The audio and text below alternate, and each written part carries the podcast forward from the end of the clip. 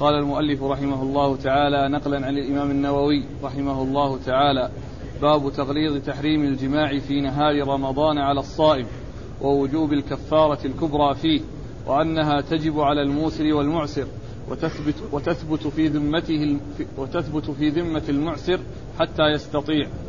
عن أبي هريرة رضي الله عنه أنه قال: جاء رجل إلى النبي صلى الله عليه وآله وسلم فقال: إن الآخر وقع على امرأته في رمضان. أو إن الآخرة. ها؟ أو إن الآخرة. جاء رجل إلى النبي صلى الله عليه وآله وسلم فقال إن الأخر وقع على امرأته في رمضان. فقال أتجد ما تحرر رقبة؟ قال لا. قال فتستطيع أن تصوم شهرين متتابعين؟ قال لا. قال أفتجد ما تطعم به ستين مسكينا؟ قال لا. قال ف... قال فأتي النبي صلى الله عليه وآله وسلم بعرق فيه تمر وهو الزنبيل وهو الزنبيل والزبيل ها؟ عندك إيش؟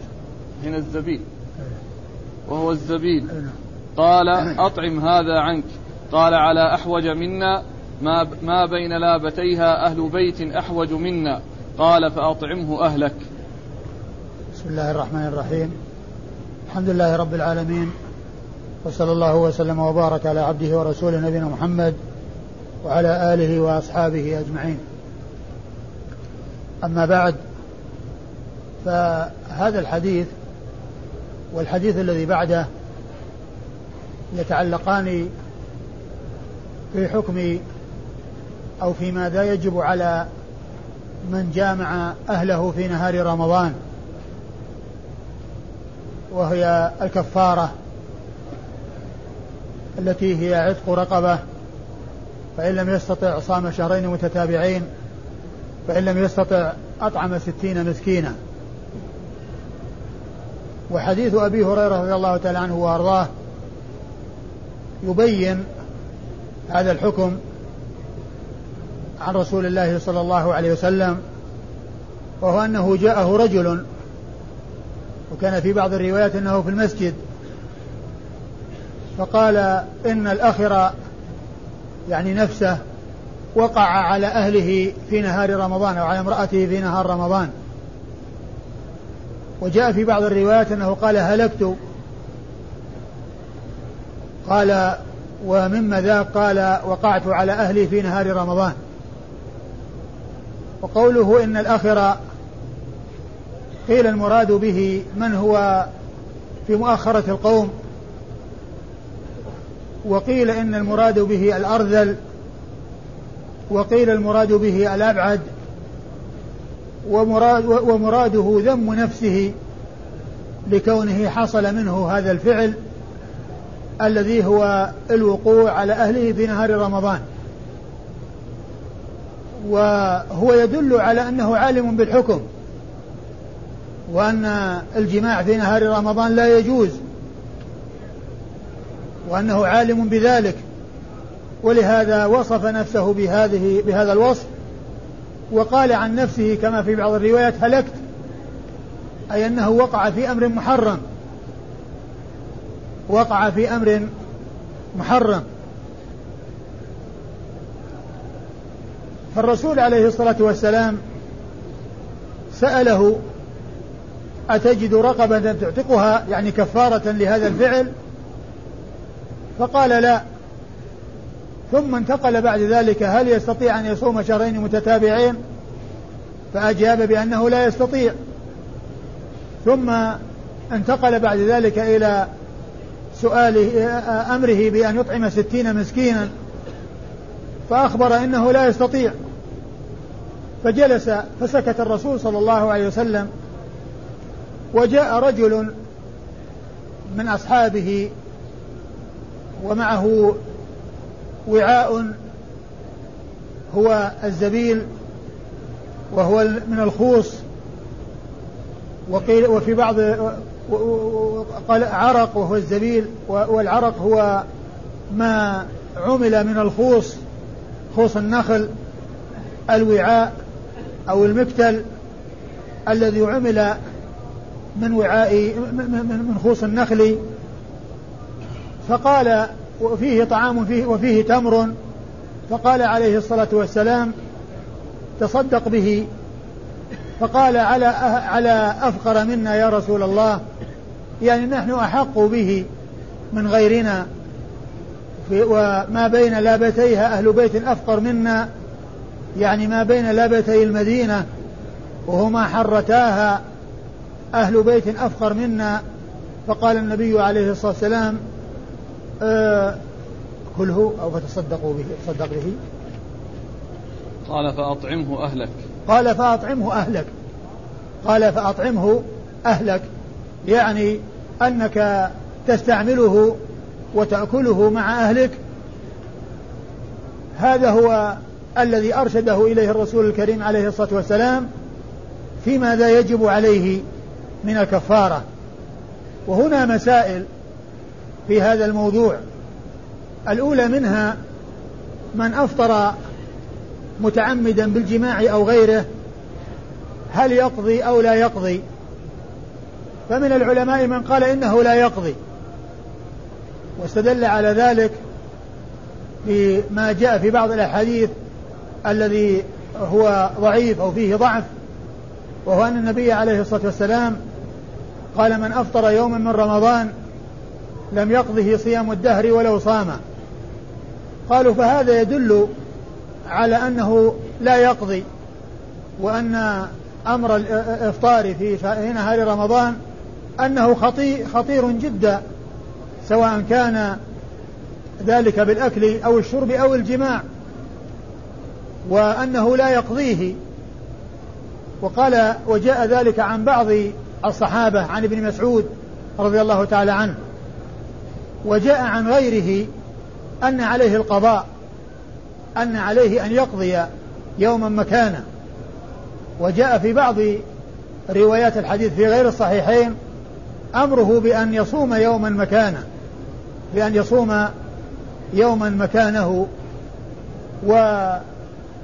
والأصل هو أن الإنسان عندما يترك الصوم متعمدا أو عندما يفطر متعمدا فإن عليه أن يقضي بخلاف ما لو أكل أو شرب ناسيا.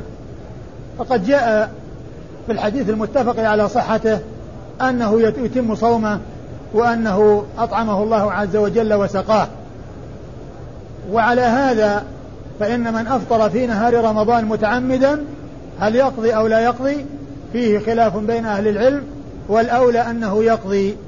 ذلك اليوم الذي أفطره وأن عليه أن يتوب ويستغفر الله عز وجل وأن يقضي ذلك اليوم الذي أفطره ثم مما يتعلق بالكفارة الرسول صلى الله عليه وسلم أرشده إلى أن يكفر. أرشده إلى أن يكفر. وإرشاده عليه الصلاة والسلام لمن جامع في نهار رمضان. فهل من أفطر بغير الجماع كالأكل والشرب متعمدا تجب عليه الكفارة كما تجب على المجامع. أم أنها خاصة بالمجامع فمن العلماء من قال إنها تجب على كل من أفطر متعمدا في نهار رمضان سواء كان بالجماع أو بغير الجماع. ويستدلون على ذلك بما جاء في بعض الروايات الحديث أن الرجل قال أفطرت في بعض الروايات قال أفطرت فالرسول صلى الله عليه وسلم قال له أتجد كذا إلى آخر الحديث. ومن المعلوم أن الرسول صلى الله عليه وسلم أجابه على إفطار معين وهو بالجماع. فلا يكون غير الجماع مثل الجماع. لا يكون مثل غير الجماع مثل الجماع. لا يكون غيره مثله. بل الكفارة وجبت في الجماع. وما جاءت في غيره وما جاءت في غيره فيقتصر الحكم على ما ورد فيه النص وهو الجماع. فإذا من العلماء من قال بأنه يفطر بأنه يكفر هذه الكفارة بالجماع وغيره إذا أفطر بالجماع وغيره واستدل على ذلك بما جاء في بعض الروايات أفطرت.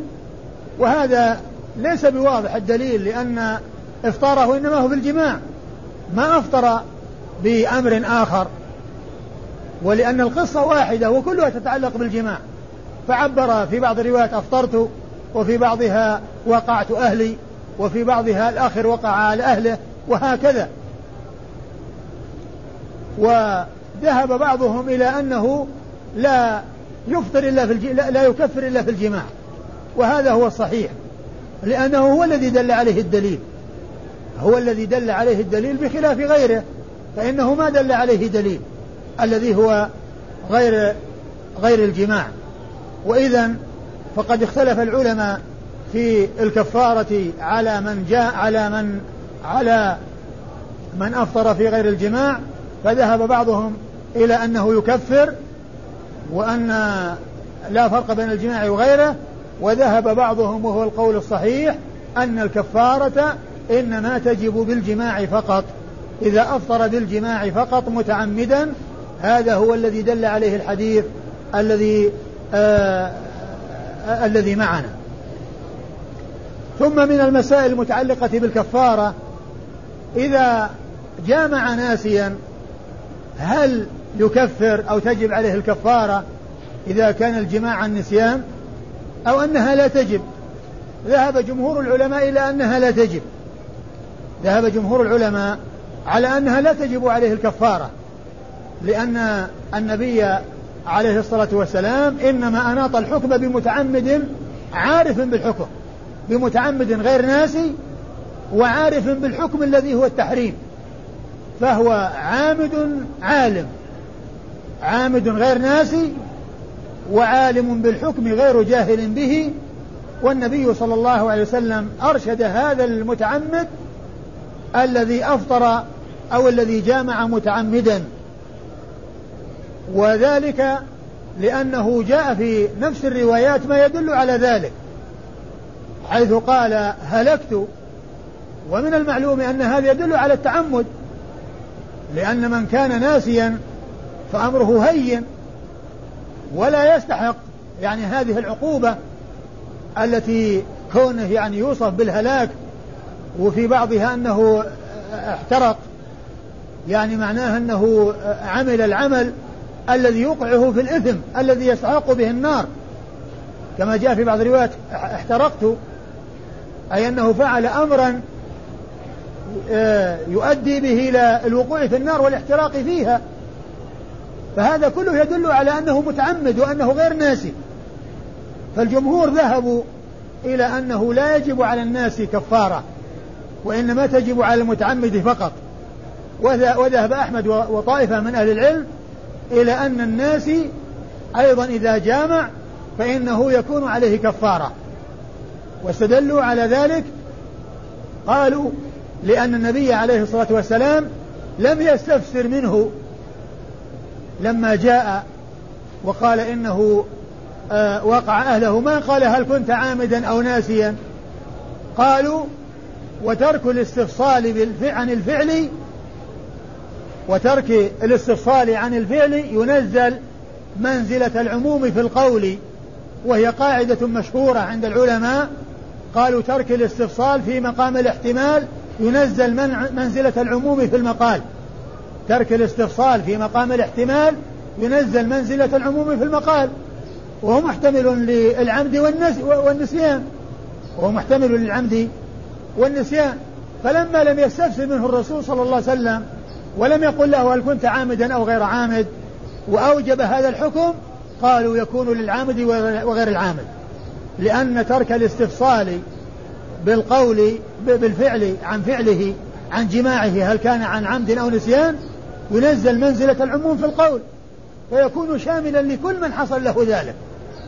شاملا لكل من حصل له ذلك.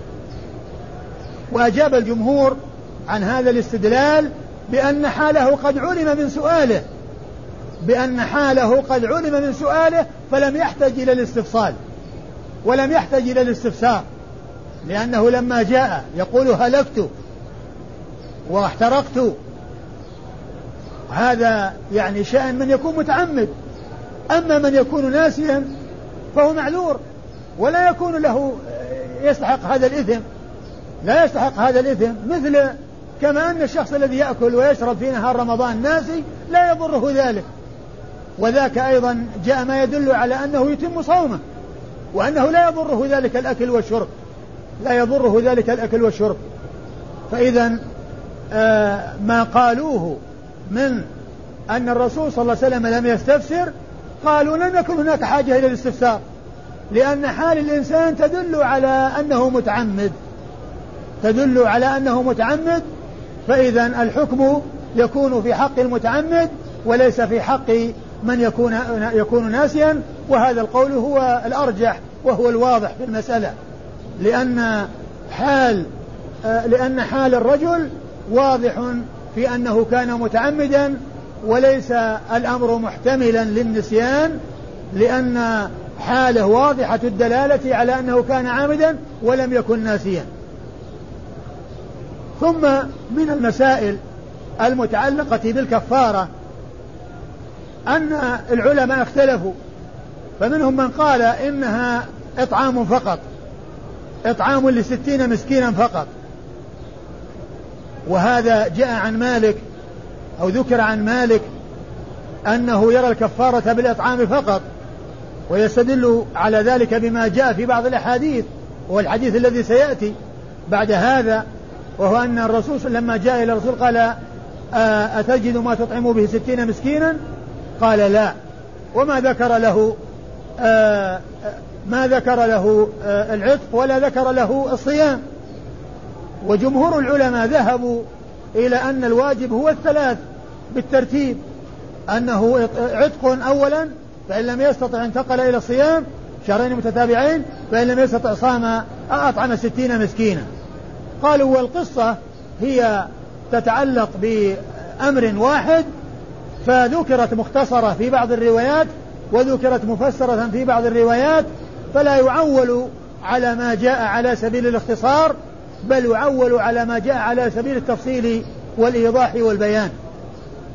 ولا شك أن مقتضى ما دل عليه هذا الحديث الذي معنا والذي جاء في أكثر الروايات أنه أرشده إلى الكفارة المرتبة بعتق فإن لم يستطع صام شهرين متتابعين فإن لم يستطع أطعم ستين مسكينا هذا هو الذي يدل عليه الدليل وهذا هو الذي يقتضيه الدليل. وأن القول بالاكتفاء بالكفارة بالإطعام أن هذا القول ليس بصحيح ولا براجع ومن المسائل المتعلقة بهذا بهذا الأمر المرأة هل عليها كفارة إذا جامع الرجل امرأته؟ فهل عليهما جميعا كفارة؟ أو أن عليه وحده كفارة؟ أو أن أو أن على كل واحد منهما كفارة؟ هذه مسألة اختلف فيها العلماء. فمنهم من قال إن الكفارة على الرجل فقط. ومنهم من قال إذا كانت المرأة مطاوعة فإنه يجب عليها كفارة. إذا كانت المرأة مطاوعة فإنه يجب عليها كفارة. أما إذا كانت مكرهة ولا, اختيار لها ولم تستطع الامتناع أو التخلص من الزوج وقد امتنعت من ذلك وأكرهت على ذلك فإنه لا يكون عليها كفارة. فإنه لا يكون عليها كفارة وهذا هو الصحيح أنها إذا كانت المرأة مطاوعة وأنها مقدمة على فعل الأمر المحرم كما أقدم الرجل فإنه يجب عليها مثل ما يجب على الرجل. لمطاوعتها لمطاوعتها ولاستسلامها وانقيادها وموافقتها وإقدامها. أما إذا كانت مكرهة وملجأة ولا ولم تستطع مع المقاومة والامتناع وإنما أجبرها على على هذا الفعل فإنه لا يكون عليها كفارة لأنها غير غير متعمدة غير متعمدة وغير قاصدة. وإذا فقد عرفنا أن المرأة عليها كفارة وقد استدل الذين قالوا بأنه لا كفارة عليها قالوا لأن الرسول صلى الله عليه وسلم ما ذكرها في الحديث وإنما ذكر عليه هو كفارة. وأجيب عن عدم ذكرها لأنها ما اعترفت وما جاءت وما جاءت تقول وإنما أخبر من استفتى أخبر الرجل الذي استفتى وأن عليه كذا. والمرأة إذا كانت متعمدة ومريدة لهذا الفعل فإنها حكم حكم. ولم يذكرها الرسول صلى الله عليه وسلم لأنها ما جاءت تستفتي وإنما أفتى الرجل الذي أخبر عن نفسه بأنه حصل عليه كذا وكذا قال عليك كذا وكذا. فالمرأة إذا كانت مطاوعة عليها كفارة. إذا كانت غير مطاوعة أو كانت معذورة بأن تكون مثلا في سفر أن تكون يعني هي هي مسافرة وتكون يعني هناك عذر يعني آه، آه، يجعل ذلك لها سائغا فإن الحكم فإن الأمر يختلف. لكن إذا كانت متعمدة وهي مثله لا عذر لها لا عذر لها فإن عليها كفارة كما أن عليه كفارة. ثم من المسائل المتعلقة في هذا الموضوع أو في هذا الباب إذا لم يستطع الإنسان لا العتق ولا الصيام ولا الإطعام فهل تسقط أو لا تسقط؟ من العلماء من قال بسقوطها وأنه لا كفارة عليه. ومنهم من قال بأنها لا تسقط بل هي لازمة في ذمته. والحديث الذي معنا يدل على عدم سقوطها لأن النبي عليه الصلاة والسلام لما جاءه وأخبره وقال في الآخر أنه معسر وأنه لا يستطيع ما قال له خلاص سقطت عنك. وإنما انتظر فلما جاء ذلك الطعام أعطاه إياه وقال كثر به. فلو كانت تسقط بالإعسار ما أعطاه ذلك الطعام الذي جاء إليه لأنها سقطت عنه. وإنما لكونها لازمة في ذمته وباقية في ذمته أراد أن يعينه. على ذلك التخلص على التخلص مما هو في الذمة. فدل هذا على أن الكفارة لا تجب بالإعسار وأنها تبقى في الذمة حتى يستطيع. فإذا استطاع كفر وإذا لم يستطع فإنه غير مستطيع. لكن إذا استطاع فيما بعد عليه أن يكفر. والرسول صلى الله عليه وسلم إنما أعطاه إعانة. وساعده وأعانه على ذلك الأمر الذي لزمه أن يتخلص منه بهذه بهذه الصدقة التي يعطي إياها والطعام الذي يعطي إياه.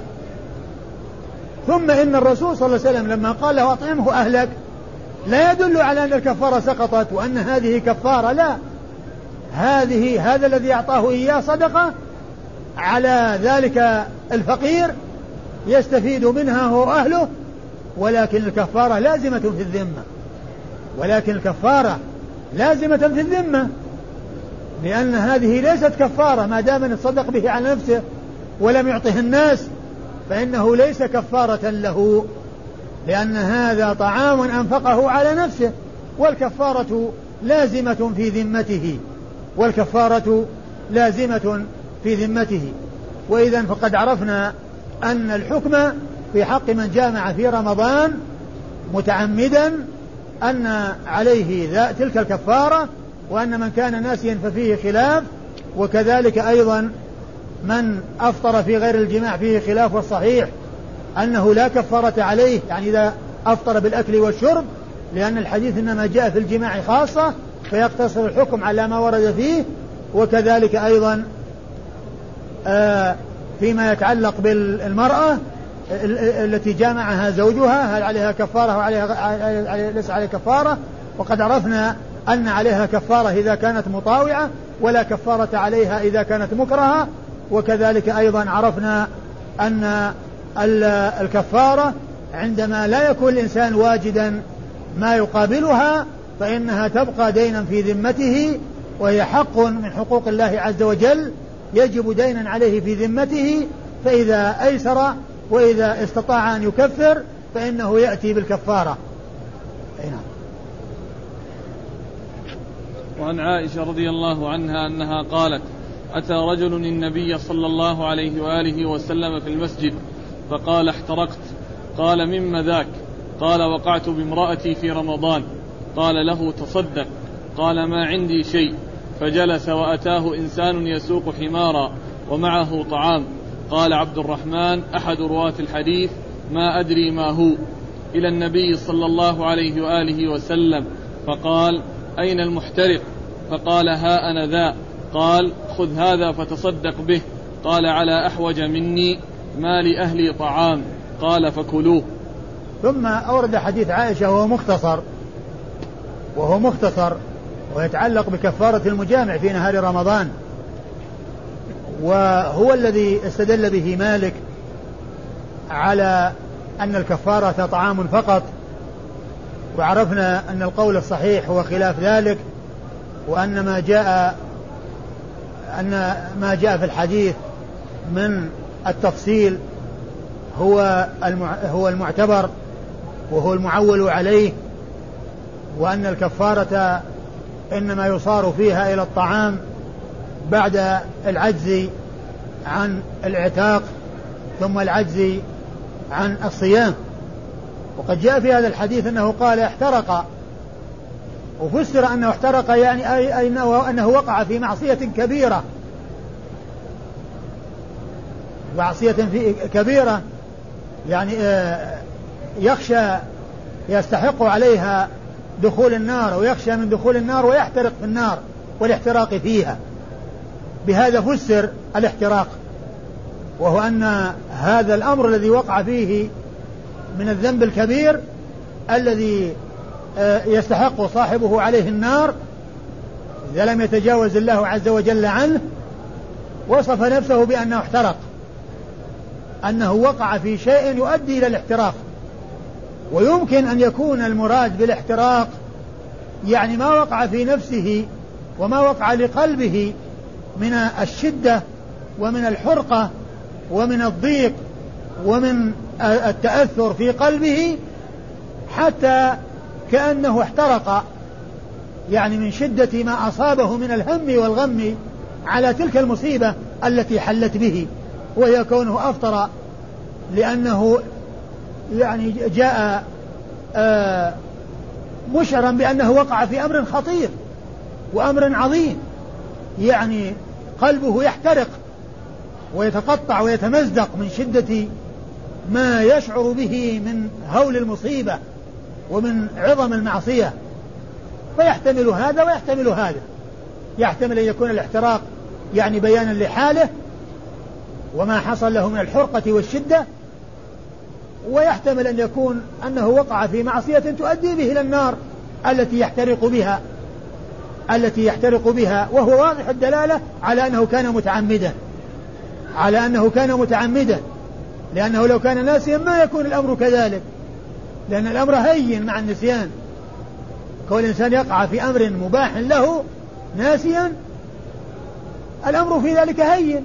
وقد جاء فيما يتعلق بالأكل والشرب أن الإنسان أطعمه الله وسقاه. لأنه ناسي. فدلنا هذا على أن أن هذا اللفظ مما يوضح أنه كان متعمدا وأن حال ذلك الرجل معلومة للنبي صلى الله عليه وسلم وهي التعمد وأنه من أجل ذلك لم يحتج إلى الاستفسار. لم يحتج إلى الاستفسار هل هو عامد أو ناسي. هل هو عامد هل هو عامد أو ناسي.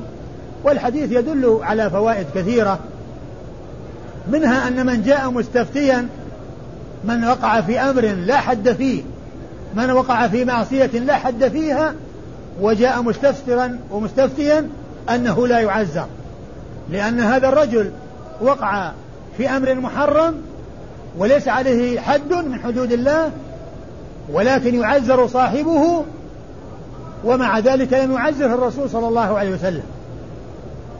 ومن وقع أو حصل منه الإفطار في نهار رمضان متعمدا وعلم به فإنه يعزر لكن إذا جاء مستفتيا وحصل منه الندم والتوبة وجاء نادما فإنه لا يعزر بخلاف من حصل منه التعمد ولم يأتي ولم يندم ولم يحصل منه ما يدل عن الندم وعلم به فإنه يستحق التعزير لأنه وقع في أمر محرم وما هناك شيء يشعر بالندم والتوبة.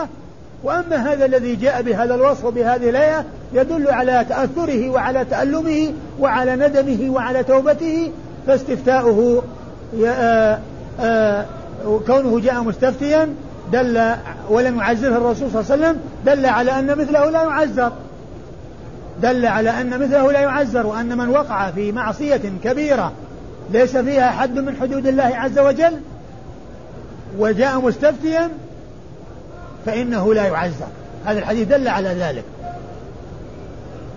هذا الحديث دل يعني على هذا. والحديث آه، يشتمل على فوائد كثيرة منها ما أشرت إليه من قبل ومنها يعني هذه الفائدة. آه، والله تعالى أعلم وصلى الله وسلم وبارك على عبده ورسول نبينا محمد. وعلى آله وأصحابه أجمعين.